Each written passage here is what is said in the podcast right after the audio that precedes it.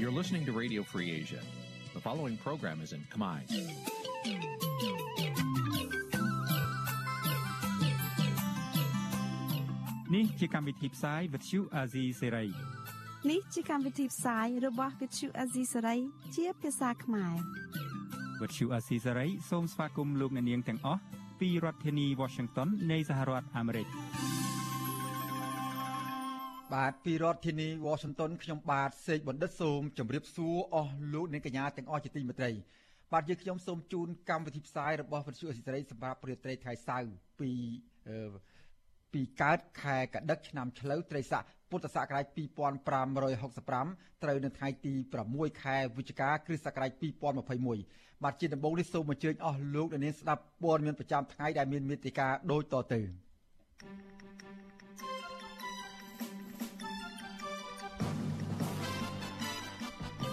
លោកសំរងស៊ីស្នើឲ្យរដ្ឋាភិបាលលោកហ៊ុនសែនបើកផ្លូវឲ្យលោកវិលចូលស្រុកវិញមុនពេលបោះឆ្នោត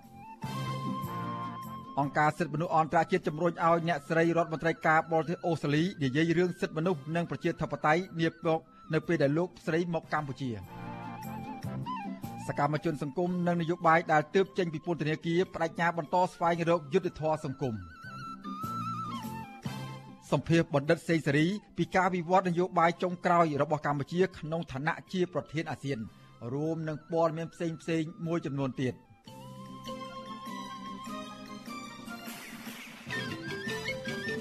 បាទជាបន្តទៅទៀតនេះខ្ញុំបាទសេកបណ្ឌិតសូមជូនព័ត៌មានពិស្ដាបាទលោកនាងកញ្ញាជាទីមេត្រីអង្គការឃ្លាំមើលសិទ្ធិមនុស្សអន្តរជាតិ Human Rights Watch ជំរុញឲ្យរដ្ឋមន្ត្រីការបរទេសអូស្ត្រាលីអ្នកស្រី Marie Pen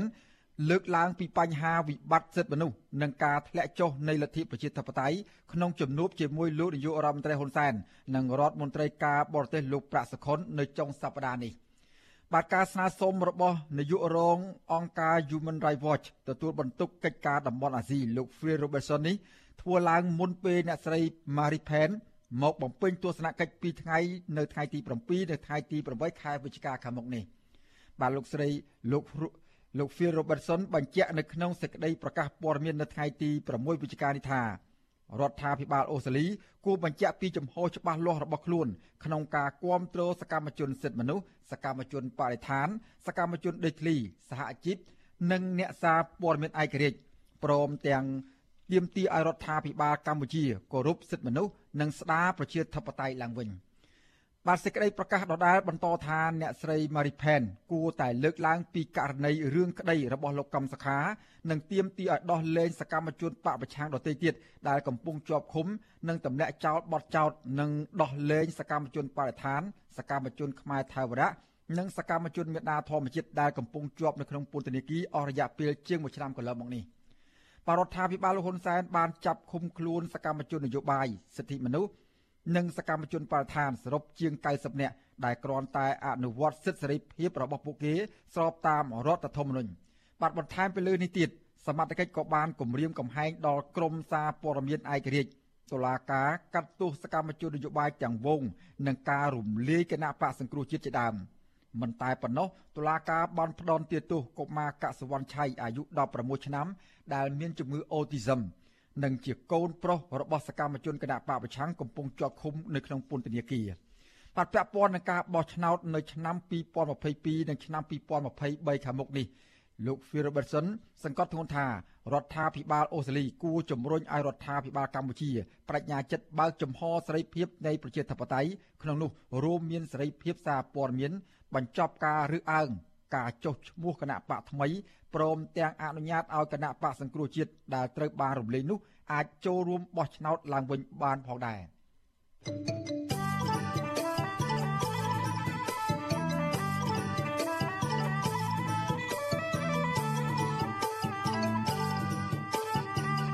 បាទលោកនាងកញ្ញាជាទីមេត្រីលោកនាងកំពុងតាមដានស្ដាប់ការផ្សាយរបស់វិទ្យុអសីសេរីពីរដ្ឋធានី Washington សហរដ្ឋអាមេរិកបាទលោកសំរងស៊ីប្រធានស្ដីទីគណៈបកសង្គ្រោះជាតិលើកឡើងថាការបោះឆ្នោតនៅពេលខាងមុខតលតែមានការចូលរួមពីមេដឹកនាំគណៈបកប្រឆាំងពិតប្រកបទើបលទ្ធផលបោះឆ្នោតនោះអាចឲ្យគ្រប់ភាគីអាចឲ្យគ្រប់ភាគីទទួលយកបាន បាទលោកក៏ជំរុញឲ្យលោកហ៊ុនសែនឲ្យមានតម្លាប់ឲ្យមានក្តីក្លាហាន បញ្ចប់ការរារាំងការវិលចូលស្រុករបស់លោកនឹងអាចឲ្យលោកឆ្លងពីទឹកដីថៃចូលដល់កម្ពុជា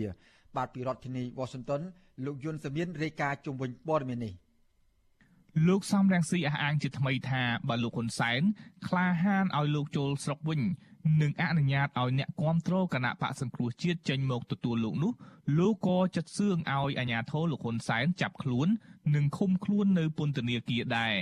លោកសំរងស៊ីលើកឡើងបែបនេះនៅក្នុងអត្ថបទមួយរបស់លោកដែលបានចុះផ្សាយនៅក្នុងសារព័ត៌មាន The Diplomat កាលពីថ្ងៃទី5ខែវិច្ឆិកា លោកសំរងស៊ីរំលឹកថាការភ័យខ្លាចរបស់លោកហ៊ុនសែនចំពោះមាតុភូមិនិវត្តរបស់លោកកន្លងមកបង្ហាញថាលោកហ៊ុនសែនបាត់បង់ភាពម្ចាស់ការរហូតបញ្ជាតុលាការឲ្យកាត់ទោសលោកគ្រប់បែបយ៉ាងហើយបានទាំងជំរុញឲ្យតុលាការចេញដីកាជាច្រើនលើកច្រើនសារចាប់រូបលោកយកទៅឃុំឃាំងទាំងដែលគ្មានវត្តមានរូបលោកនៅកម្ពុជាផង ទោះបីជាយ៉ាងណាអ្នកនាំពាក្យរដ្ឋាភិបាលលោកផៃស៊ីផានប្រវត្តិអាស៊ីសេរីថាមកទល់ពេលនេះនៅមិនទាន់មានព័ត៌មានណាមួយ ដែលអនុញ្ញាតឲ្យលោកសំរងស៊ីអាចវិលចូលស្រុកបានវិញនៅឡើយទេលោកបន្តទៀតថាចំពោះការបោះឆ្នោតនាពេលខាងមុខគ្មានការកំណត់ណាមួយថាតើតែមានមេដឹកនាំគណៈបកប្រឆាំងចូលរួមទើបការបោះឆ្នោតនោះអាចទទួលយកបាននោះទេ លោកបន្តថាការមិនអាចចូលរួមរបស់មេដឹកនាំគណៈបកប្រឆាំងនៅក្នុងការបោះឆ្នោតគឺពាក់ព័ន្ធទៅនឹងរឿងផ្លូវច្បាប់អ្វីដែលជាការចូលរួមការបោះឆ្នោតមិនមែនថាការបោះឆ្នោតនោះតម្រូវឲ្យតែមានអ្នកទាំងអស់នោះមានទៅបានទៅបង្ខំបង្ខសុពលភាពនៃការបោះឆ្នោតមិនមែនអញ្ចឹងទេ ទោះបីលោកផៃស៊ីផានលើកឡើងបែបនេះក្តីប៉ុន្តែការដឹកនាំប្រទេសជិត4ឆ្នាំរបស់របបក្រុងភ្នំពេញដែលអវត្តមានគណៈបកសង្គ្រោះជាតិបានធ្វើឲ្យកម្ពុជាក្លាយជារបបឯកបកដែលខុសពីគោលការណ៍លទ្ធិប្រជាធិបតេយ្យនិងរដ្ឋធម្មនុញ្ញរបស់កម្ពុជាដែលចែងថា កម្ពុជាអនុវត្តគោលការណ៍សេរី និងពហុបកបញ្ហានេះហើយបានធ្វើឲ្យលោកហ៊ុនសែនជិះសេះលែងដៃធ្វើឲ្យលំហលទ្ធិប្រជាធិបតេយ្យនិងសិទ្ធិមនុស្សធ្លាក់ចុះយ៉ាងខ្លាំង ទើបបានសហគមន៍អន្តរជាតិដាក់ទណ្ឌកម្មលើកម្ពុជាជាបន្តបន្ទាប់ជុំវិញរឿងនេះដែរអ្នកវិភាគនយោបាយដែលកំពុងភៀសខ្លួននៅប្រទេសហ្វាំងឡង់លោកកឹមសុខសង្កេតឃើញថាលោកសំរងស៊ីនិងមន្ត្រីគណៈបក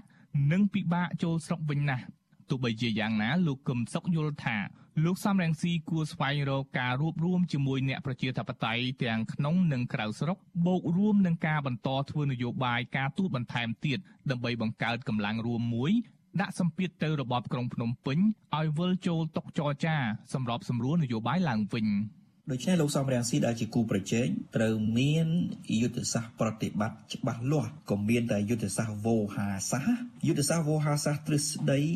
គ្រាន់តែជាការបង្ហាញបំណងទេ ការសូត្រយុទ្ធសាស្ត្រទ្រឹស្ដីគ្រាន់តែជាសម្ដីជ្រុំជើងដដែលដដែលគ្មានលទ្ធផលលោកសំរងស៊ីត្រូវបានរបបក្រុងភ្នំពេញប្រើគ្រប់មធ្យោបាយនិងមិនអោយក្រុមហ៊ុនអាកាសចរដឹកលោកចូលស្រុកចំនួន2ដងរួចមកហើយ កាលពីថ្ងៃទី9វិច្ឆិកាឆ្នាំ2019និងដើមខែមករាឆ្នាំ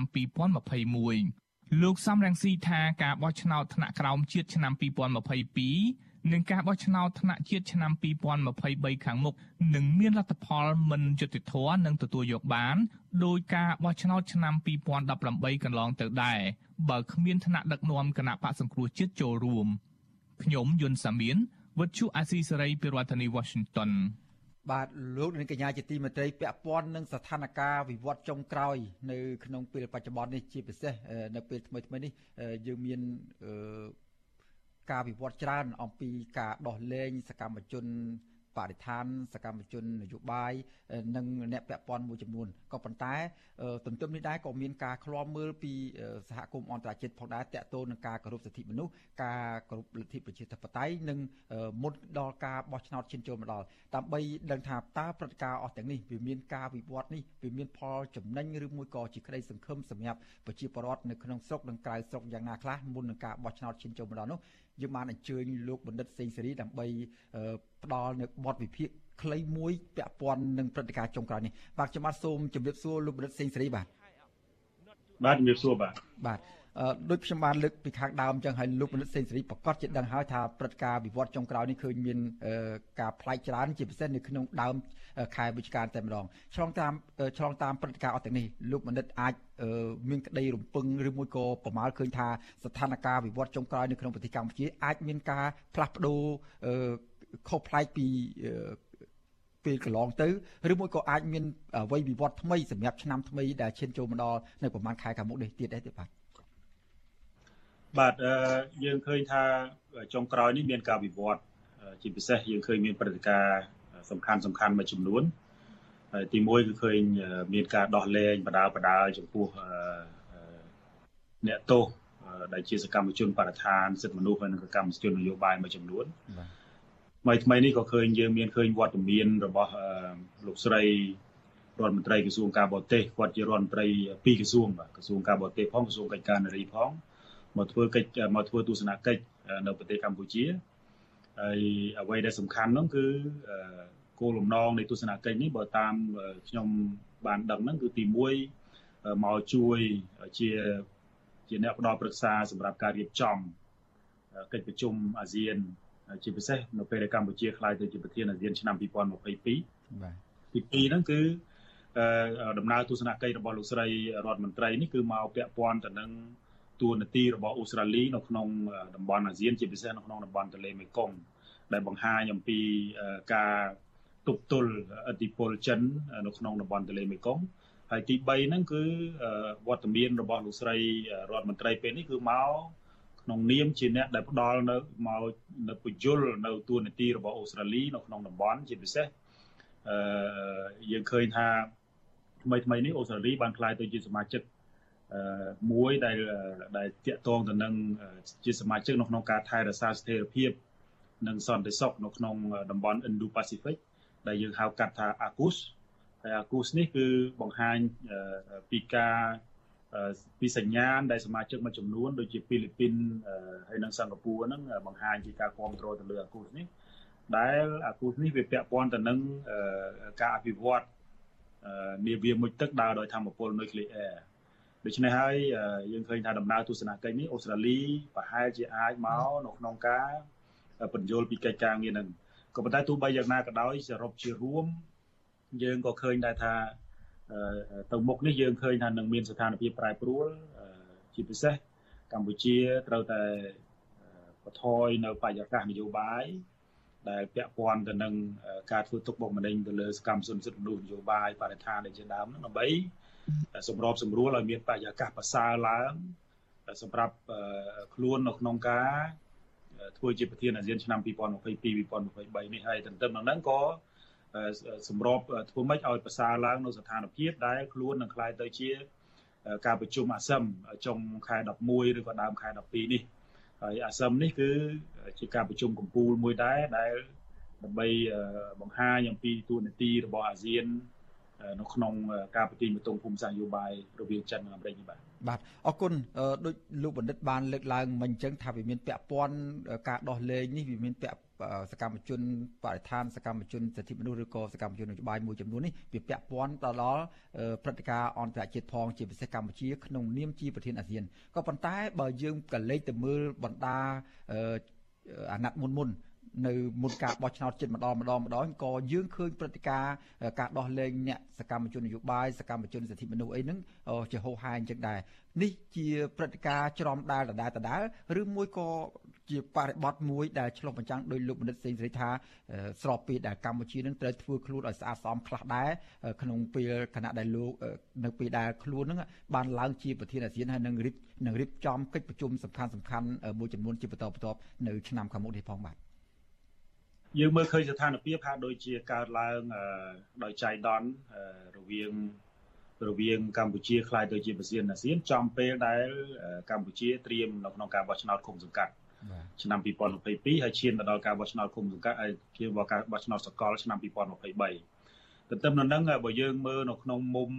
មួយដែលជាទម្លាប់យើងឃើញថាមុនការបោះឆ្នោតម្ដងម្ដងការបទូបថយបរិយាកាសនយោបាយដើម្បីធានាទៅដល់ ធានាទៅដល់ការរិះមិនឲ្យមានការរិះគន់ចំពោះការរៀបចំការបោះឆ្នោតហ្នឹងគឺយើងឃើញថាមានការដោះលែងមានការសម្របសម្រួលនយោបាយហើយលើកនេះហ្នឹងគឺការសម្របសម្រួលនយោបាយនេះវាកើតឡើងឬក៏ការដោះលែងអ្នកទោសមនសិការដែលយើងហៅថាអ្នកទោសមនសិការក៏ប៉ុន្តែទោះបីយ៉ាងណាក៏ដោយរដ្ឋាភិបាលប្រើមិនបានប្រើពាក្យអ្នកទោសមនសិការទេប៉ុន្តែយើងយើងជាទូទៅនៅក្នុងសង្គមស៊ីវិលហើយនៅនៅវិភាគយើងប្រើពាក្យអ្នកទោសមនសិការដោយសារតែគាត់ធ្វើកិច្ចការងារ ឆ្លើយតបទៅនឹងមនសិការរបស់គាត់ក៏ប៉ុន្តែទោះបីយ៉ាងណាក៏ដោយយើងឃើញថាស្ថានភាពចាប់ផ្ដើមមានការប្រែប្រួលហើយបើសិនជាក្នុងករណីស្ថានភាពមានការប្រែប្រួលហើយជំរុញឲ្យមានវត្តមានមេដឹកនាំនៃគណៈបពប្រឆាំងនៅក្នុងការត្រឡប់ចូលរួមអាចមកធ្វើការចូលរួមការបោះឆ្នោតឆ្នាំ2023 2022 2023នេះអាហ្នឹងខ្ញុំសង្កេតឃើញថាកម្ពុជានឹងអាចមានមុខ ឬក៏អាចនឹងក្លាយទៅជាប្រធានអាស៊ានក្នុងឆ្នាំ2022នេះនៅពេញលក្ខណៈដោយសារតែខ្លួនបានបង្ហាញអំពីចំហនៃការជំរុញឲ្យមានការសម្របសម្រួលនយោបាយឬក៏បរិយាកាសនយោបាយល្អណាបាទបាទបញ្ហាមួយទៀតនៅពេលដែលកំពុងតែមានឱកាសគេដែលគ្រប់គ្នានឹងកំពុងមើលថាដូចជាសកម្មភាពនយោបាយមានការផ្លាស់ប្ដូរថ្មីខ្លះដោយមានការដោះលែងអ្នកជាប់ឃុំអ្នកទោសមនសិការដោយបានលើកឡើងកន្លងមកជាបន្តបន្ទាប់នេះ ទន្ទឹមនឹងប្រធានស្ដីទីគណៈបកសង្គ្រោះជាតិលោកសំរងស៊ីកដែលកំពុងនៅក្រៅប្រទេសហ្នឹងក៏ឆ្លៀតយកឱកាសហ្នឹងដែរអំពាវនាវដែរថាសូមឲ្យលោកនាយករដ្ឋមន្ត្រីហ៊ុនសែនរបបក្រុងភ្នំពេញហ្នឹងបើកចំហជើងមេឃដោយដែលលោកបានមើលឃើញថារដ្ឋាភិបាលកម្ពុជាកំពុងបើកចំហជើងមេឃបើកឲ្យមានសេដ្ឋកិច្ចបើកឲ្យមានទេសចរឡើងវិញជាដើមហ្នឹងសូមឲ្យបើកចំហជើងមេឃហ្នឹងសម្រាប់ទៅដល់អ្នកនយោបាយផងគឺសូមជាពិសេសសូមឲ្យមានលោកវត្តមានលោកសំរងស៊ីហ្នឹងវិលចូលមកក្នុងប្រទេសកម្ពុជាដើម្បីចូលរួមការបោះឆ្នោតនេះជាដើម តើនេះជាការការលើកឡើងម្ដងហើយម្ដងទៀតសូមឲ្យបើកចំហជើងមេសម្រាប់អ្នកនយោបាយនៅក្រៅប្រទេសជាពិសេសគណៈបកប្រឆាំងតែម្ដងនេះវាអាចឆ្លុះបញ្ចាំងយ៉ាងដូចម្តេចដែរចំពោះការវិវត្តនយោបាយនៅក្នុងដំណាក់កាលចុងក្រោយនេះបាទការមានចេតនានៅក្នុងការត្រឡប់ចូលឬក៏មានភូមិនិវត្តនៃមេដឹកនាំគណៈបកប្រឆាំងចូលនៅកម្ពុជាយើងឃើញថាមានការប្រឹងប្រែងតាំងពីក្រោយការរំលាយគណៈបកសង្គ្រោះជាតិឆ្នាំ2017 យើងឃើញថាឆ្នាំ2019យើងឃើញមានការព្រឹត្តិការណ៍19វិច្ឆិកា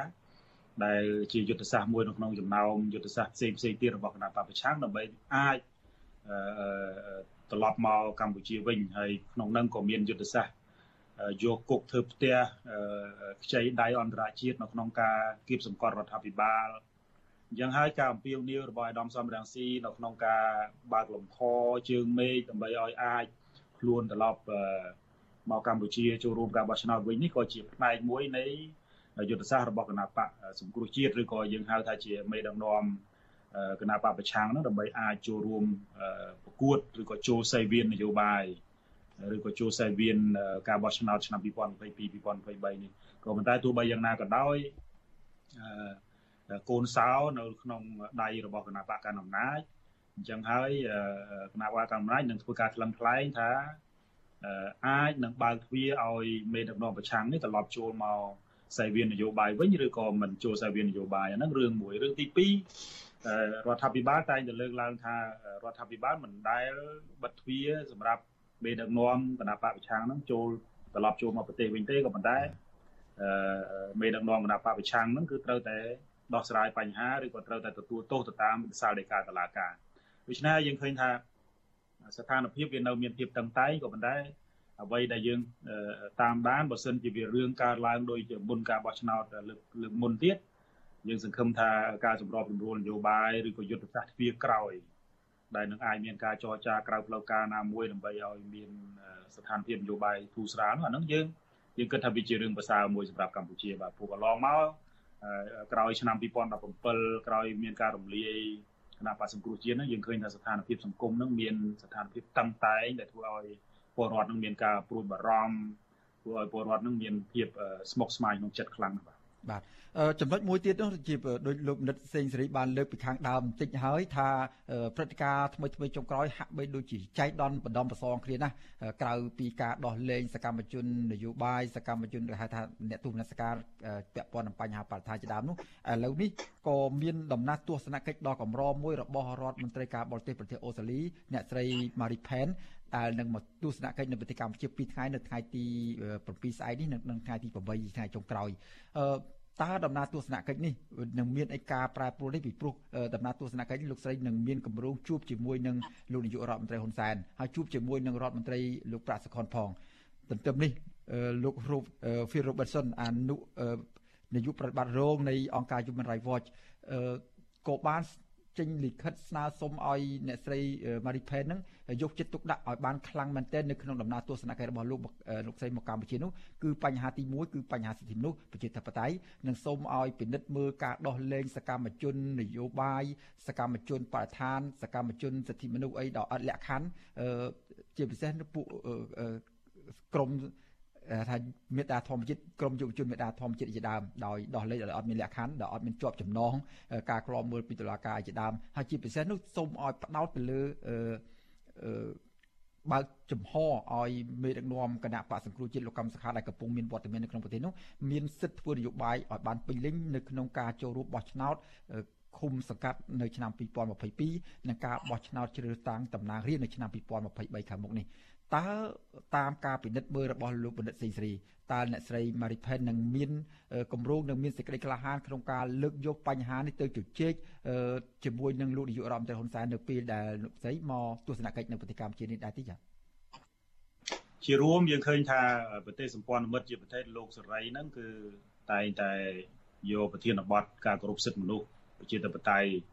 មិនមែនមិនតែនៅក្នុងកម្ពុជាទេនៅដំណើរក្នុងដំណើរទស្សនកិច្ចរាល់ដំណើរទស្សនកិច្ចរបស់រដ្ឋមន្ត្រីក្រសួងការបរទេសឬក៏អ្នកមុខអ្នកការនៃប្រទេសសេរីហ្នឹងគឺតែងតែលើកយករបៀបវរៈការគោរពសិទ្ធិមនុស្សហើយនិងប្រជាធិបតេយ្យនៅកម្ពុជាហ្នឹងជាចំណុចអតិភិបនៅក្នុងការជជែកប៉ុន្តែទោះបីយ៉ាងណាក៏ដោយទន្ទឹមនឹងហ្នឹងកិច្ចការងារដែលជាផលប្រយោជន៍របស់ប្រទេសអូស្ត្រាលីហ្នឹងក៏មកតាមមកជាមួយដែរដូចខ្ញុំបានលើកឡើងខាងដើមអញ្ចឹងថា ទន្ទឹមនឹងការជជែកអំពីបញ្ហាសិទ្ធិមនុស្សទន្ទឹមនឹងការជជែកអំពីបញ្ហាប្រជាធិបតេយ្យនៅកម្ពុជាកម្ពុជាអូស្ត្រាលីក៏និយាយអំពីទួនាទីរបស់ខ្លួននៅក្នុងកិច្ចការងារនៅក្នុងតំបន់អាស៊ានដែរហើយអ្វីដែលសំខាន់ហ្នឹងនៅដំណើរទស្សនកិច្ចនេះគឺផ្ដោតសំខាន់តាមពិតទៅអ្នកស្រីរដ្ឋមន្ត្រីក្រសួងការបរទេសអូស្ត្រាលីដែលមកកម្ពុជានេះគឺមកនៅពេលដែល អាស៊ានហ្នឹងនៅពេលដែលកម្ពុជាហ្នឹងត្រៀមខ្លាយទៅជាប្រធានអាស៊ានឆ្នាំ2022 2023ប៉ុន្តែដំណើរទស្សនកិច្ចសំខាន់ហ្នឹងគឺផ្ដោតទៅលើប្រទេសប្រទេសម៉ាឡេស៊ីហើយនិងប្រទេសឥណ្ឌូនេស៊ីដែលដែលប្រទេសឥណ្ឌូនេស៊ីនិងប្រទេសម៉ាឡេស៊ីហ្នឹងមានចម្ងល់តាក់ទងទៅនឹងរឿងអូស្ត្រាលីចូលរួមអភិវឌ្ឍឬក៏ចូលរួមទទួលចុះតលេខានៅក្នុងការអភិវឌ្ឍកប៉ាល់មួយទឹកឬក៏នាវាមួយទឹកដើរដោយធម្មពលប៉ារ៉ាម៉ាណូឬក៏ nuclear ដែលកន្លងមកយើងឃើញថានៅពេលដែលសមាជិកណាមួយដែលចុះឬក៏មានកិច្ចព្រមព្រៀងជាមួយអាស៊ានហ្នឹងគឺតែងតែមានកិច្ចសន្យាអំពីការគេហៅថា free nuclear area ណាដែលជាដែលជាតំបន់គ្មានបរមាណូដូច្នេះហើយវាជាចំណុចមួយដែលអូស្ត្រាលីត្រូវចាំបាច់ត្រូវមកកម្ពុជាដល់ពេលដែលកម្ពុជាខ្លាយទៅជាអាស៊ានអាស៊ានឆ្នាំ2022ដើម្បីបញ្យល់ថាការបដួយផ្ដើមអភិវឌ្ឍបច្ចេកវិទ្យា nuclear ឬក៏បច្ចេកវិទ្យានាវាមួយទឹកដើរដោយធម្មពលនឹង nuclear នេះវាមានរឿងអីនៅពីក្រោយនឹងខ្លះអានេះដែលជារឿងសំខាន់ទន្ទឹមនឹងជជែកគ្នាអំពីរឿងការគោរពសិទ្ធិមនុស្សជាបតៃនៅកម្ពុជាបាទបាទជាចុងក្រោយនេះចង់ដឹងពីលោកបណ្ឌិតសេងសេរីដែរទន្ទឹមគ្នានឹងប្រជាពលរដ្ឋនៅក្នុងស្រុកនិងប្រជាពលរដ្ឋខ្មែរនៅក្រៅស្រុកកំពុងតែទន្ទឹងរង់ចាំមើលដំណឹងល្អនៃការស្វែងរកដំណោះស្រាយនយោបាយនៅក្នុងប្រទេសកម្ពុជាឲ្យវិលទៅរក សភាពដើមវិញជាពិសេសឲ្យមានការគោរពសិទ្ធិមនុស្សនិងប្រជាធិបតេយ្យដើម្បីឲ្យស្ថានភាពនិងបរិយាកាសបោះឆ្នោតជ្រើសរើសក្រុមប្រឹក្សាគុំសង្កាត់នៅឆ្នាំ2022ខាងមុខដែលជិតចូលមកដល់ហើយនេះហើយនឹងការបោះឆ្នោតជ្រើសរើសតាំងតំណាងរាស្ត្រនៅឆ្នាំ2023ខាងមុខបានប្រព្រឹត្តទៅដោយសុក្រិតយុទ្ធធរនិងអាចទទួលយកបាននោះ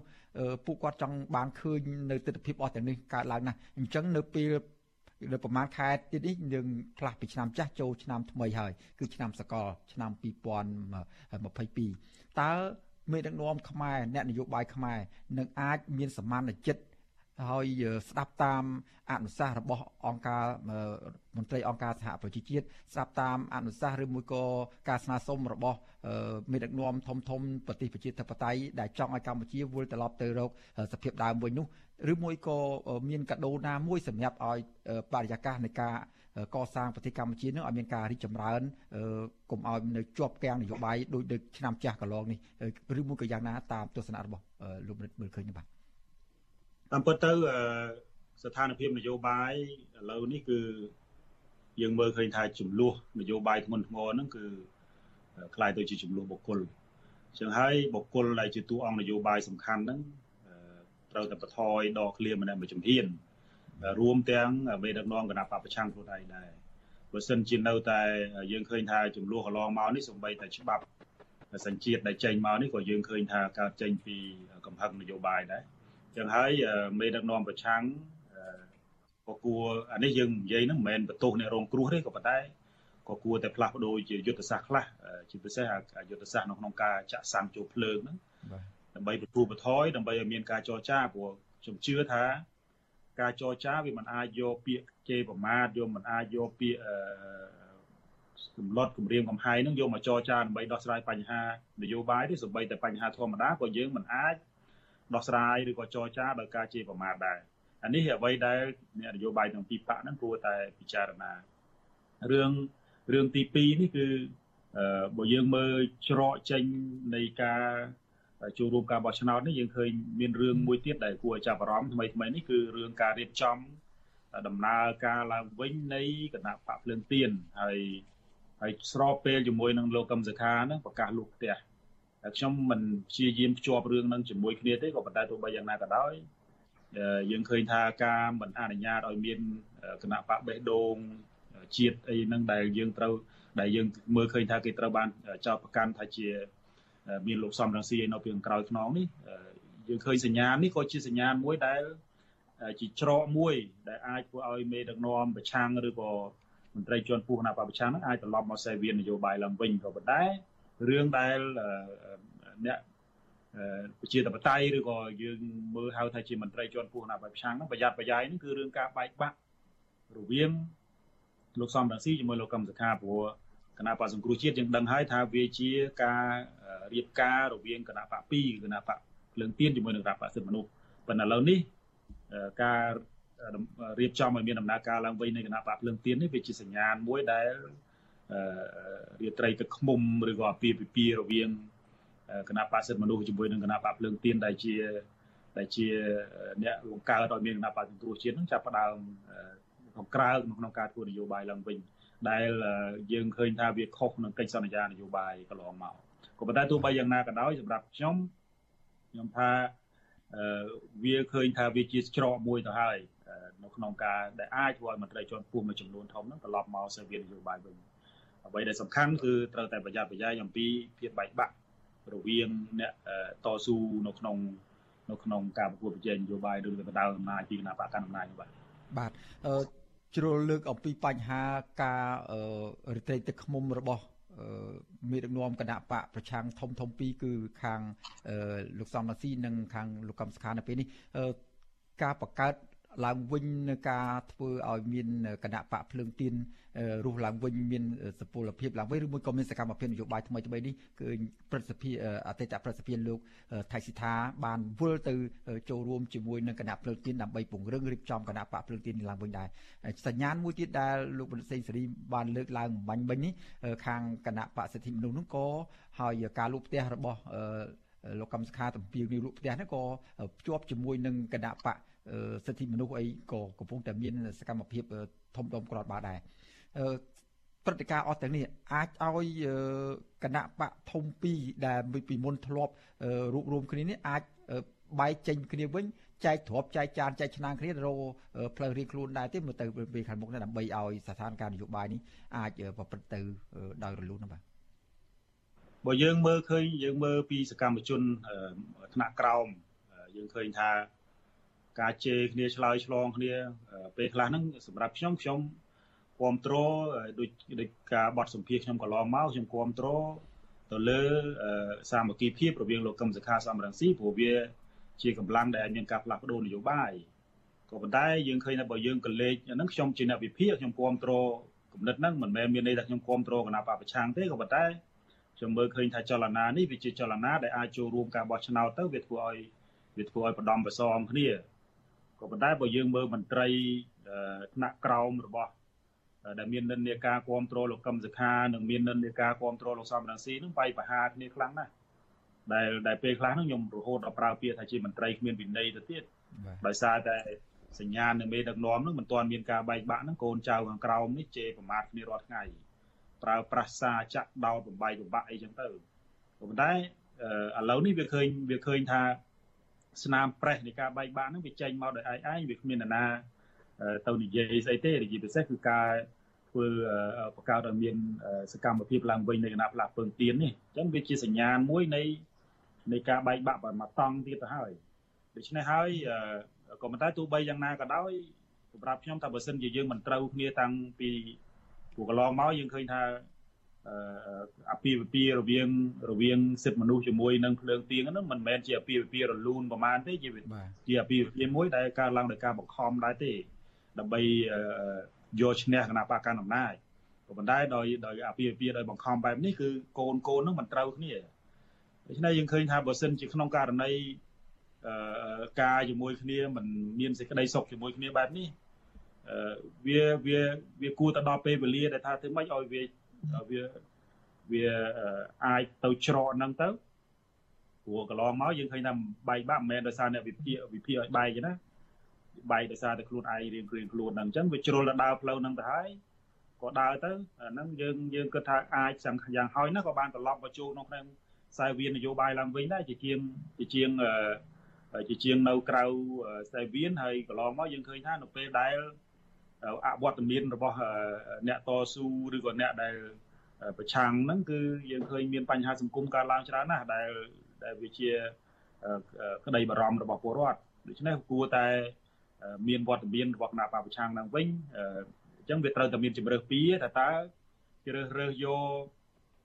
កម្មសការសំរងស៊ីតែមួយហ្នឹងបន្តតស៊ូនៅលើសុភាសិតនៅលើពាក្យស្លោកនឹងបន្តឬក៏ចែកចានចែកឆ្នាំងហើយចូលប្រកួតរៀងរៀងខ្លួនទៅអាហ្នឹងវាជាជំរើសរបស់អ្នកនយោបាយហើយគ្រាន់តែអ្វីដែលខ្ញុំនិយាយគ្រាន់តែជាសេណារីយ៉ូដែលអាចដើរទៅរួចតែប៉ុណ្ណោះបាទបាទទោះយ៉ាងណាថ្មីថ្មីនេះអឺ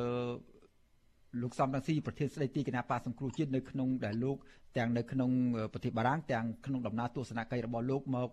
សហរដ្ឋអាមេរិកពេលថ្មីថ្មីនេះក៏លោកបានបញ្ជាក់ម្ដងហើយម្ដងទៀតទៅជាមួយនឹង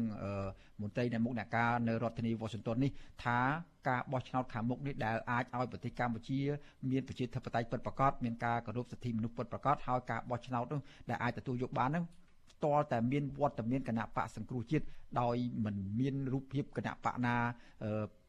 ជាគណៈបកសមោលឬមួយគណៈបកអីទេគឺថាសូមឲ្យមានគណៈបកសង្គ្រោះជាតិរស់ឡើងវិញហើយចូលរួមបោះឆ្នោតដោយពេញមុខពេញមាត់ក៏ប៉ុន្តែបើសិនជាក្នុងលក្ខខណ្ឌដោយលោកបណ្ឌិតសេងសេរីលើកឡើងបាញ់មិញថាវាអាចសញ្ញាណថ្មីថ្មីនេះដែលមានការពង្រឹងគណៈបកផ្សេងផ្សេងគ្នានេះធ្វើឲ្យអាចមានសញ្ញាណមួយបែកចែកចានចែកឆ្នាំងក៏ប៉ុន្តែ បើសិនជាមានលក្ខណៈថាមានវាសនាមួយថាដើរដល់ទីបញ្ចប់នៃការចែកចានចែកឆ្នាំងហើយវិលទៅរកផ្ទះចាស់រៀងខ្លួននោះតើការចូលរួមបោះឆ្នោតបើទោះបីជាមានការចូលរួមបោះឆ្នោតយ៉ាងម៉េចក៏ដោយ តើអាការចូលរួមបែបនេះវាខុសពីឆន្ទៈប្រជាពលរដ្ឋដែលចង់ឲ្យបកទាំងពីររួមគ្នាតាំងពីដើមមកមែននោះតាំងពីឆ្នាំ2013មកមកនោះវាវាទៅជាខុសពីបំណងសច្ចភាពខុសពីឆន្ទៈប្រជាពលរដ្ឋចង់បានហើយវាคล้ายទៅជាគណៈបកដែលចូលរួមគ្រាន់តែជាលំអសួនប្រជាធិបតេយ្យដោយដែលគណៈបកប្រឆាំងធ្លាប់លើកឡើងពីកន្លងមកឬមួយយ៉ាងណាទេបាទសូមជាចុងក្រោយបាទបាទយើងឃើញថាថ្មីថ្មីនេះរដ្ឋាភិបាលប្រកាសហើយថា គម្រាមអន្តរជាតិมันអាចធ្វើឲ្យរដ្ឋាភិបាលដួលរលំបានទេអាហ្នឹងអាហ្នឹងក៏រដ្ឋថាវាមានផលប៉ះពាល់ផ្នែកខាងសេដ្ឋកិច្ចខ្លះតិចតួចហើយរដ្ឋាភិបាលក៏ប្រកាសច្បាស់ទៅទៀតថាគុំសង្ឃឹមថាសង្គ្រោះជាតិរស់ឡើងវិញអញ្ចឹងហើយរកច្រកថ្មីទៅហើយអ្វីដែលសំខាន់ហ្នឹងគឺឥឡូវនេះយើងឃើញថាដំឡុងពេលដែលមេដឹកនាំកម្ពុជារបស់គណៈបកអឺប្រឆាំងឬក៏មេដឹកនាំប្រឆាំងកម្ពុជានិយាយអំពីរឿង សំរងស៊ីកម្មសខាតែមួយនិយាយអំពីរឿងសង្គ្រោះជាតិហ្នឹងគឺអឺសកម្មជនថ្នាក់ក្រោមមន្ត្រីជាន់ខ្ពស់មួយចំនួនហ្នឹងកំពុងតែរៀបចំបង្កើតបកថ្មីរៀងរៀងខ្លួនកំពុងតែរៀបចំធ្វើឲ្យមានសុពលភាពនៃគណៈបកដែលជាអឺដែលជាអ្នកដែលផ្ដួចផ្ដើមគំនិតឬក៏អភិវិពានៃគណៈបកដែលបង្កើតនៅសង្គ្រោះជាតិយើងឃើញថាស្ថានភាពដើរទៅមុខក៏ប៉ុន្តែមេដឹកនាំកម្ពុជានៅតែបន្តប្រើសារមួយ ប្រហែលជាអានេះជាការវិភាគរបស់ខ្ញុំទេប្រហែលជាអាចមេដឹកនាំទាំងពីរនៃនៃអ្នកដឹកនាំប្រឆាំងហ្នឹងប្រហែលជានៅខ្លាចពាក្យសំរងស៊ីកឹមសខាតែមួយព្រោះពាក្យសំរងស៊ីកឹមសខាតែមួយនេះបង្ហាញច្បាស់ណាស់ថាវាជាតួលេខទ្វេគុណមានន័យថាកាលនោះគឺ26ឬក៏25ខ្ញុំចាំមិនច្បាស់25បូកនឹងបូកនឹង3កៅអីវាឡើង50ជាងបាទអញ្ចឹងប្រហែលជានៅជឿលើលើជំនឿបែបហ្នឹង បានជាមិនហ៊ាននៅក្នុងការបែកបាក់នោះក៏ប៉ុន្តែយើងឃើញសញ្ញាណបែកបាក់ហ្នឹងវាបែកបាក់ទៅហើយហើយកន្លងមកខ្ញុំក៏ជាមនុស្សម្នាក់ដែរនៅក្នុងការធ្វើជាទឹកអង្សាដើម្បីកុំឲ្យមានស្ថានភាពបែបហ្នឹងកើតឡើងក៏ប៉ុន្តែឥឡូវនេះស្ថានភាពដើរទៅមុខហើយបើសិនតែជ្រុលដើរអញ្ចឹងហើយគឺដើរទៅច្រកហ្នឹងតែម្ដងទៅព្រោះគណៈបកគណៈបកភ្លើងទៀនក្តីគណៈបកសិទ្ធិមនុស្សក្តីមិនទាន់បានរំលាយនៅឡើយណាហើយ ហើយអ្វីដែលសំខាន់ហ្នឹងគឺគាត់រៀបចំសម័យឡើងវិញហើយអាចចូលរួមការបោះឆ្នោតបានហើយអញ្ចឹងណាបាទបាទ អរគុណលោកបណ្ឌិតដែលបានចំណាយពេលវេលាដ៏មានតម្លៃចូលរួមផ្ដល់បទសភាជាមួយនឹងវិទ្យុអេស៊ីសរ៉ៃសម្រាប់ប្រទេសនេះហើយយើងនឹងបន្តតាមដានទៅមើលស្ថានភាពនយោបាយនេះបន្តទៀតថាតើគណៈបកប្រឆាំងនៅតែតម្កល់ផលប្រយោជន៍ឬមួយក៏គេឈ្មោះគណៈបកសង្គ្រោះជាតិដែលត្រូវបានរដ្ឋាភិបាលលោកហ៊ុនសែនរំលាយចោលនោះឬមួយក៏ត្រូវចែកចានចែកឆ្នាំងគ្នាវិលទៅរកផ្ទះចាស់រៀងខ្លួនហើយចូលរួមបោះឆ្នោតនៅពេលខាងមុខនេះយ៉ាងដូចម្តេចបាទសម្រាប់ពេលនេះខ្ញុំបាទសូមអរគុណលោកបណ្ឌិតសេងសេរីតែប៉ុណ្្នេះសិនបាទ ជំរាបលាបាទបាទ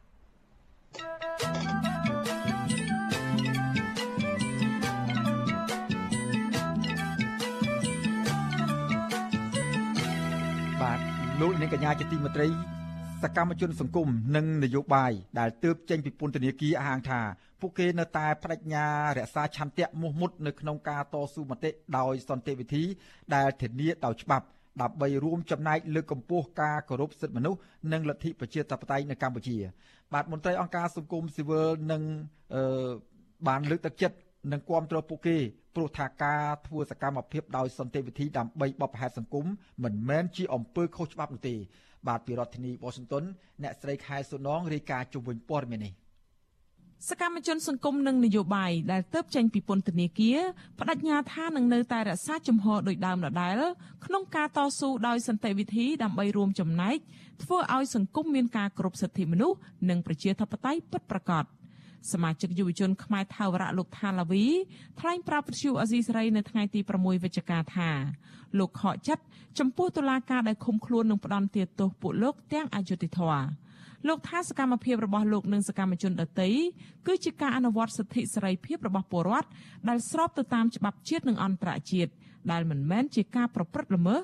ឬបង្កឲ្យមានភាពវឹកវរដល់សង្គមនោះទេ យុវជនរូបនេះឲ្យដឹងថាការដែលលោកជាប់ពន្ធនាគារបែបនេះ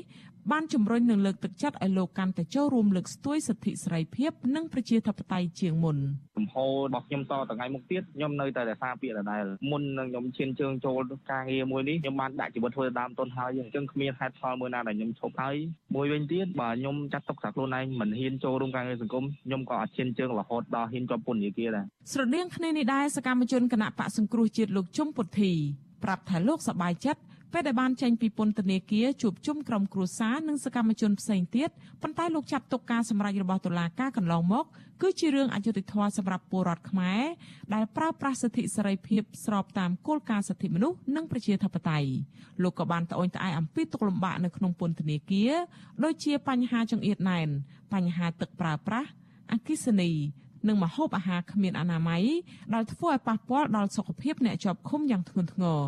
លើសពីនេះលោកនិងសកម្មជននយោបាយផ្សេងទៀត ត្រូវបានឆ្មាំពន្ធនាគារតាមឃ្លាំមើលគ្រប់សកម្មភាព និងរដ្ឋបတ်ស្ទើរគ្រប់ពេលវេលា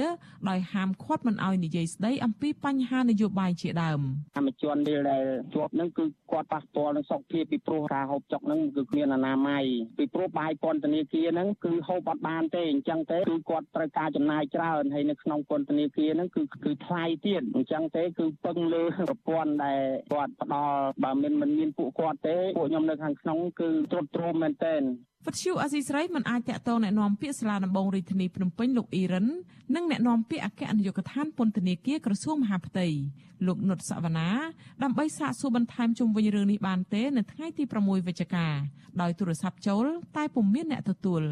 អាញាធរបានដោះលែងសកម្មជន5នាក់ដែលបានចូលរួមតវ៉ាឲ្យមានការដោះលែងមេសហជីពនិងជាអ្នកឃ្លាំមើលព្រំដែនលោករងឈុន អ្នកទាំងនោះរួមមានសមាជិកយុវជនខ្មែរថាវរៈគឺអតីតព្រះសង្ឃកើតសារាយលោកថាឡាវី និងអនុប្រធានសមាគមសម្ព័ន្ធនិស្សិតបញ្ញវន្តខ្មែរលោកមានព្រមនីព្រមទាំងសកម្មជនគណៈបកសង្គ្រោះជាតិពីររូបទៀតគឺលោកជុំពុទ្ធីនិងលោកឈូផេងរីឯសកម្មជនមួយចំនួនទៀតរួមមានលោកហ៊ុនវណ្ណៈលោកស្រីឈឿនដារាវីកញ្ញាអេងម៉ាឡៃនិងលោកមួងសុភ័ក្រតុលាការនឹងដោះលែងជាបន្តបន្ទាប់នៅសប្តាហ៍ក្រោយនេះ ក្រុមសកម្មជនសង្គមនិងនយោបាយដែលកំពុងជាប់ឃុំ10នាក់ត្រូវបានតុលាការក្រុងភ្នំពេញផ្តន្ទាទោសឲ្យជាប់ពន្ធនាគារ20ខែប៉ុន្តែតម្រូវឲ្យអនុវត្តទោសចំនួន14ខែទៅ15ខែដោយទោសដែលនៅសល់ត្រូវព្យួរក្រៅពីនេះតុលាការបានដាក់ពួកគាត់ឲ្យស្ថិតនៅក្រោមការត្រួតពិនិត្យរយៈពេល2ឆ្នាំទៀតហើយតម្រូវឲ្យរាយការណ៍ទៅព្រះរាជអាជ្ញាប្រសិនបើពួកគេផ្លាស់ប្តូរអាសយដ្ឋាន ការងារឬចង់ទៅក្រៅប្រទេសទោះជាយ៉ាងណា សកម្មជនបកប្រឆាំងម្នាក់ទៀត គឺលោកគង់សំអានដែលជាប់ចោទនៅក្នុងសំណុំរឿងនេះដែរមិនទាន់មានព័ត៌មានស្ដីអំពីការដោះលែងរូបលោកនៅឡើយទេព្រោះលោកត្រូវបានផ្តន្ទាទោសក្នុងសំណុំរឿងមួយផ្សេងទៀតគឺបទរួមគំនិតក្បត់នៅតុលាការខេត្តត្បូងឃ្មុំប្រពន្ធលោកគង់សំអាន គឺលោកស្រីអៀបសួររៀបរាប់ថាក្រោយពេលទទួលដំណឹងថាតុលាការសម្រេចដោះលែងសកម្មជននយោបាយនិងសង្គមភ្លាមៗនោះលោកស្រីបានធ្វើដំណើរពីខេត្តត្បូងឃ្មុំទៅភ្នំពេញទាំងយប់ដើម្បីចាំទទួលប្តីនៅមុខពន្ធនាគារព្រៃសរកាលពីថ្ងៃទី5ខែវិច្ឆិកាប៉ុន្តែលោកស្រីខកចិត្តជាខ្លាំងដែលតុលាការមិនបានដោះលែងប្តីលោកស្រីដោយសកម្មជនដទៃផ្សេងទៀតនោះទេ លោកស្រីស្នើយ៉ាងទទូចដល់តុលាការទម្លាក់ចោលការចោទប្រកាន់និងដោះលែងប្តីលោកស្រីឲ្យមានសេរីភាពវិញប្តីខ្ញុំគង់សម្អានគាត់ស្រឡាញ់ជាតិណាស់គាត់ជាគ្រូបង្រៀនគាត់ចេះដឹងចេះសពចេះគ្រប់មិនដែលឲ្យតោះទេហេតុអីបានគេចាប់គាត់ថាគាត់ញុះញង់ញុះញង់រឿងអីហើយឲ្យរកខុសឲ្យឃើញអាទៀតដឹងតែដាក់20ឆ្នាំប្រហែលឆ្នាំទៀតតែនិយាយតុលាការអត់មានមកធ្វើផ្ទាល់ថ្ងៃទេស្ដាប់តែគេស្ដាប់គេចាច់ ចាំចុចចុចឲ្យសពគ្រប់ដាក់កំហុសលើគេជុំវិញរឿងនេះនាយករងទទួលបន្ទុកផ្នែកឃ្លាំមើលសិទ្ធិមនុស្សនៃអង្គការលីកាដូលោកអំសំអាតថ្លែងថាសហគមន៍ជាតិនិងអន្តរជាតិនៅតែចាត់ទុកការចាប់ខ្លួននិងឃុំខ្លួនសកម្មជនសង្គមនិងនយោបាយជាង1ឆ្នាំកន្លងមកនេះថាជាការរំលោភបំពានដល់សេរីភាពជាមូលដ្ឋានរបស់ពលរដ្ឋជាពិសេសសេរីភាពជួបជុំនិងសម្ដែងមតិដោយសន្តិវិធី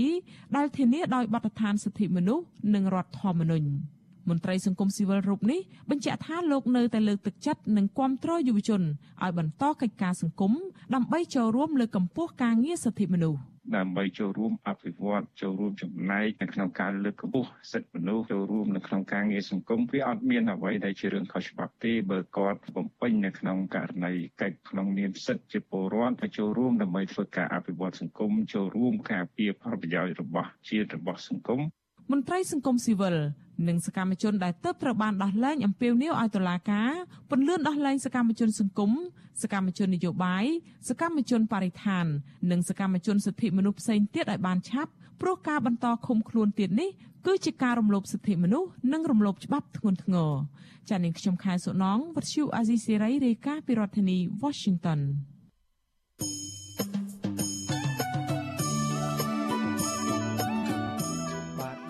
ញ្ញាជាទីមេត្រីលោកនាងកំពុងតាមដានស្ដាប់ការផ្សាយរបស់វិទ្យុអាស៊ីសេរីពីរដ្ឋធានី Washington សហរដ្ឋអាមេរិកបាទក្រៅពីស្ដាប់និងទស្សនាការផ្សាយរបស់យើងខ្ញុំតាមបណ្ដាញសង្គម Facebook និង YouTube នោះលោកនាងក៏អាចស្ដាប់ការផ្សាយរបស់យើងខ្ញុំតាមរយៈរលកធារខ្លីឬហៅថាបង់ Shortwave នោះដែលមានកម្រិត និងកម្ពស់ដូចតទៅនេះបាទពេលព្រឹកចាប់ពីម៉ោង5កន្លះដល់ម៉ោង6កន្លះតាមរយៈរលកធារខ្លី9390 kHz ស្មើនឹងកម្ពស់ 32m និង11850 kHz ស្មើនឹងកម្ពស់ 25m បាទនៅពេលយប់ចាប់ពីម៉ោង7កន្លះដល់ម៉ោង8កន្លះតាមរយៈរលកធារកាសខ្លី9390 kHz ស្មើនឹងកម្ពស់ 32m និង15155 kHz ស្មើនឹងកម្ពស់ 20m បាទជាមួយគ្នានេះដែរយើងខ្ញុំមានសេចក្តីរាយការណ៍សូមជម្រាបជូនលោកដានាងកញ្ញាចាប់ពីថ្ងៃអង្គារទី9វិច្ឆិកានេះតទៅយើងនឹងចាប់ផ្ដើមផ្សាយចេញពីបន្ទប់ផ្សាយនៃទីស្នាក់ការធំរបស់វិទ្យុអាស៊ីសេរីជាបណ្ដាបណ្ដាឡើងវិញហើយបាទយើងយើងវិលត្រឡប់ចូលការិយាល័យវិញនេះជាដំណាក់កាលជាដំណាក់កាលបាទនេះដំណាក់កាលដំបូងយើងនឹងចាប់ផ្ដើមផ្សាយនៅថ្ងៃទី3ពីបន្ទប់ផ្សាយនៃការិយាល័យកណ្ដាល ឯថ្ងៃទីរីឯ4ថ្ងៃទៀតយើងនឹងរក្សាការផ្សាយពីតាមផ្ទះរៀងៗខ្លួនសិនប្រសិនបើស្ថានភាពជំងឺឆ្លងជាសកលនេះនៅតែ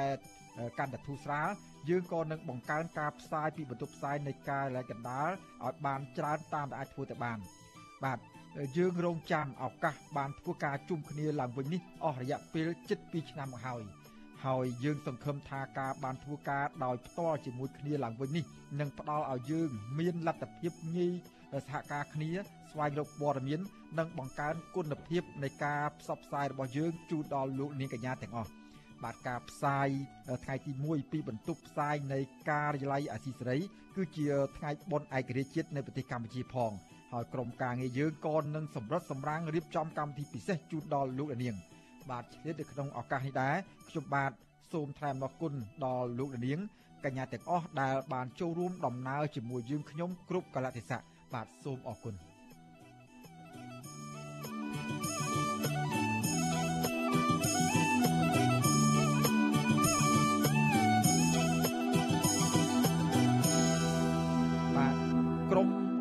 សង្គមស៊ីវិលស្នើសុំរដ្ឋាភិបាលនិងអាជ្ញាធរអន្តរាគមដោះលែងកម្មករផ្នែកសេវាកំសាន្តម្នាក់ដែលត្រូវរងការចោទថាល្មើសបំរាម COVID-19 និងចាប់ឃុំនៅក្នុងពន្ធនាគារច្រើនខែមកហើយការលើកឡើងនេះក្រោយពេលដែលកម្មករផ្នែកសេវាកំសាន្តរូបនោះបានបង្ខំចិត្តទៅធ្វើការក្នុងស្ថានភាពបិទគប់ដើម្បីរកប្រាក់មកផ្គត់ផ្គង់គ្រួសារបាទពីរដ្ឋធានី Washington អ្នកស្រីខែសុណងមានសេចក្តីរាយការណ៍មួយទៀតអំពីរឿងនេះ។ សង្គមស៊ីវិលរកឃើញថាយ៉ាងហោចណាស់មានកម្មករផ្នែកសេវាកំសាន្ត3នាក់កំពុងជាប់ឃុំនៅក្នុងពន្ធនាគារខេត្តកណ្ដាលកាលពីចុងខែសីហាកន្លងមកដោយសារការចេញទៅរកប្រាក់ចិញ្ចឹមគ្រួសារ ប្រធានសហព័ន្ធសហជីពកម្មករចំណីអាហារនិងសេវាកម្មកម្ពុជា អ្នកស្រីអ៊ូតេផាលីនសង្កេតឃើញថារដ្ឋាភិបាលមិនបានផ្គត់ផ្គង់អាហារនិងថវិកាឲ្យកម្មករសេវាកំសាន្តបានសមរម្យទេក្នុងពេលបិទគប់ច្រើនខែមកនេះជាហេតុធ្វើឲ្យកម្មករខ្លះជួបការលំបាកឬសម្រេចចិត្តប្រថុយលួចធ្វើការ អ្នកស្រីជំរុញទៅរដ្ឋាភិបាលអន្តរាគមដោះលែងកម្មករផ្នែកសេវាកំសាន្តឲ្យមានសេរីភាពវិញព្រោះពួកគេបានបង្ខំចិត្តប្រថុយចេញទៅធ្វើការក្នុងស្ថានភាពបាត់ខ្ទប់ដោយសារតែបញ្ហាជីវភាពទីទាល់ក្រប៉ុន្តែនៅពេលដែលរដ្ឋអត់មានបានជួយគ្រប់គ្រងទៅដល់គាត់ផងជីវភាពគាត់ពិបាកអញ្ចឹងឲ្យថ្លៃជួលផ្ទះនៅតែបងឲ្យកូនត្រូវរៀនអនឡាញត្រូវរៀនអីខ្លះអញ្ចឹងទៀតក៏នៅតែទទួលខុសត្រូវពីម្ដាយពីសមាជិកក្រុមគ្រួសារអញ្ចឹងដដែលសួរថាហាមមិនឲ្យគ្នាចេញរស់ស៊ីមិនឲ្យគ្នាចេញធ្វើការតើរដ្ឋមានយន្តការអីនៅក្នុងការគាំពៀទៅដល់ប្រជាពលរដ្ឋសំណើនេះធ្វើឡើងក្រោយពេលសហព័ន្ធសហជីពកម្មករចំណីអាហារនិងសេវាកម្មកម្ពុជា នៅថ្ងៃទី6ខែវិច្ឆិកាបានដាក់ញត្តិទៅក្រសួងមហាផ្ទៃគណៈកម្មាធិការជាតិប្រយុទ្ធប្រឆាំងអំពើជួញដូរមនុស្សនិងក្រសួងកិច្ចការនារីស្នើសុំអន្តរាគមន៍ដោះលែងករណីកម្មករផ្នែកសេវាកំសាន្តម្នាក់ជាស្ត្រីឈ្មោះសេងបូរី ដែលសមត្ថកិច្ចបានចាប់ឃុំក្នុងពន្ធនាគារខេត្តកណ្ដាលជិត3ខែមកហើយ។ ក្នុងសេចក្តីជូនដំណឹងរបស់សហព័ន្ធសហជីពកម្មករចំណីអាហារនិងសេវាកម្មកម្ពុជាបង្ហាញថាកម្មករផ្នែកសេវាកំសាន្តរូបនេះបានប្រថុយចេញទៅធ្វើការទាំងស្ថានភាពជំងឺ Covid-19 កំពុងឆ្លងរាលដាលខ្លាំងនិងមានបំរាមគោចរនៅភោជនីយដ្ឋានមួយកន្លែង នៅក្នុងឃុំបែកចានស្រុកអង្គស្នួលដើម្បីរកប្រាក់ទិញអង្ករផ្គត់ផ្គង់ម្ដាយចាស់ជរា និងចំណីអាហារសម្រាប់កូនស្រីអាយុ8ឆ្នាំដែលមានជីវភាពទីទាល់ក្រនៅស្រុកកំណើត។ សមត្ថកិច្ចស្រុកអង្គស្នួលបានចុះឡោមព័ទ្ធភោជនីយដ្ឋានដែលលោកស្រីសេងបូរីធ្វើការកាលពីរំលងអត្រាថ្ងៃទី24ខែសីហាហើយបានចាប់ម្ចាស់ហាងកម្មករសេវាកំសាន្តចុងភៅអ្នករត់កង់3សរុបជាង20នាក់គណៈកម្មករជាច្រើនទៀតរត់គេចខ្លួនផុតសមត្ថកិច្ចចោទថាពួកគេបានប្រមូលផ្ដុំគ្នាល្មើសបំរាមគួរចររបស់អាជ្ញាធរខេត្តកណ្ដាលសមត្ថកិច្ចក៏បានពិន័យពួកគាត់ម្នាក់1លានរៀលជាថ្នូរទៅនឹងការដោះលែង កម្មករសេវាកំសាន្ត3នាក់ក្នុងនោះមានលោកស្រីសេងបូរីម្នាក់ផងគ្មានប្រាក់បង់ថ្លៃពិន័យផ្នែករដ្ឋបាលទើបត្រូវសមត្ថកិច្ចចាប់បញ្ជូនទៅតុលាការជាមួយម្ចាស់ហាងដែលត្រូវឃុំខ្លួនក្នុងពន្ធនាគារខេត្តកណ្ដាលកាលពីចុងខែសីហាមក។ ជុំវិញបញ្ហានេះវិទ្យុអាស៊ីសេរីមិនអាចសុំការបញ្ជាក់ពីអ្នកនាំពាក្យក្រសួងកិច្ចការនារីអ្នកស្រីម៉ានចន្ទារដ្ឋលេខាធិការនិងជាអនុប្រធានអចិន្ត្រៃយ៍គណៈកម្មាធិការជាតិប្រយុទ្ធប្រឆាំងអំពើជួញដូរមនុស្សនៃក្រសួងមហាផ្ទៃអ្នកស្រីជូប៊ុនអេងនិងអភិបាលខេត្តកណ្ដាលលោកគង់សុភ័ណ្ឌបានទេនៅថ្ងៃទី6ខែវិច្ឆិកា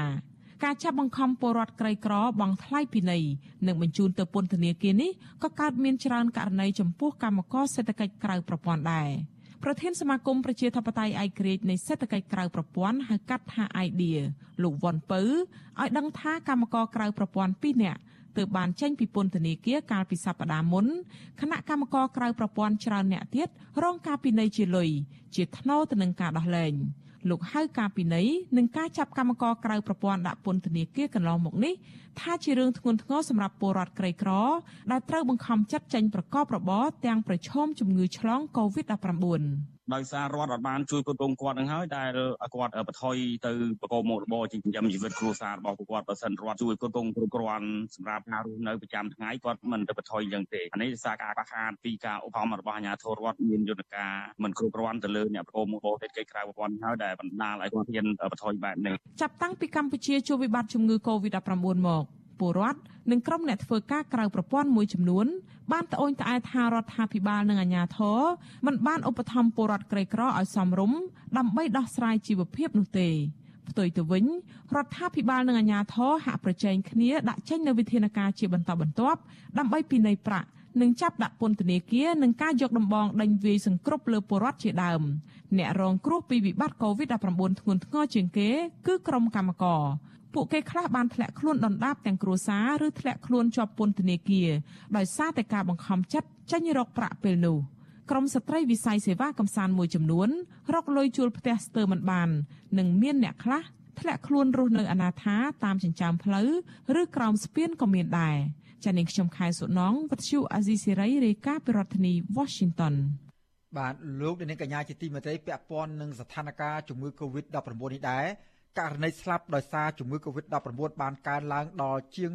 2800នាក់ហើយក្រោយពីអ្នកជំងឺចំនួន6នាក់ទៀតបានស្លាប់ក្នុងនោះ4នាក់មិនបានចាក់វ៉ាក់សាំងចំណែកករណីឆ្លងថ្មីវិញក្រសួងសុខាភិបាលប្រកាសថាមាន73នាក់ដែលជាលទ្ធផលបញ្ជាក់ដោយម៉ាស៊ីនពិសោធន៍ PCR ក៏ប៉ុន្តែតួលេខនេះមិនរាប់បញ្ចូលលទ្ធផលដែលពិនិត្យតាមឧបករណ៍ធ្វើតេស្តរហ័សឬហៅថា Rapid Test នោះទេ បាទគិតត្រឹមព្រឹកថ្ងៃទី6វិច្ឆិកាកម្ពុជាមានអ្នកកើតជំងឺ Covid-19 ជិត120,000នាក់ក្នុងនោះអ្នកជាសះស្បើយមានជាង110,000នាក់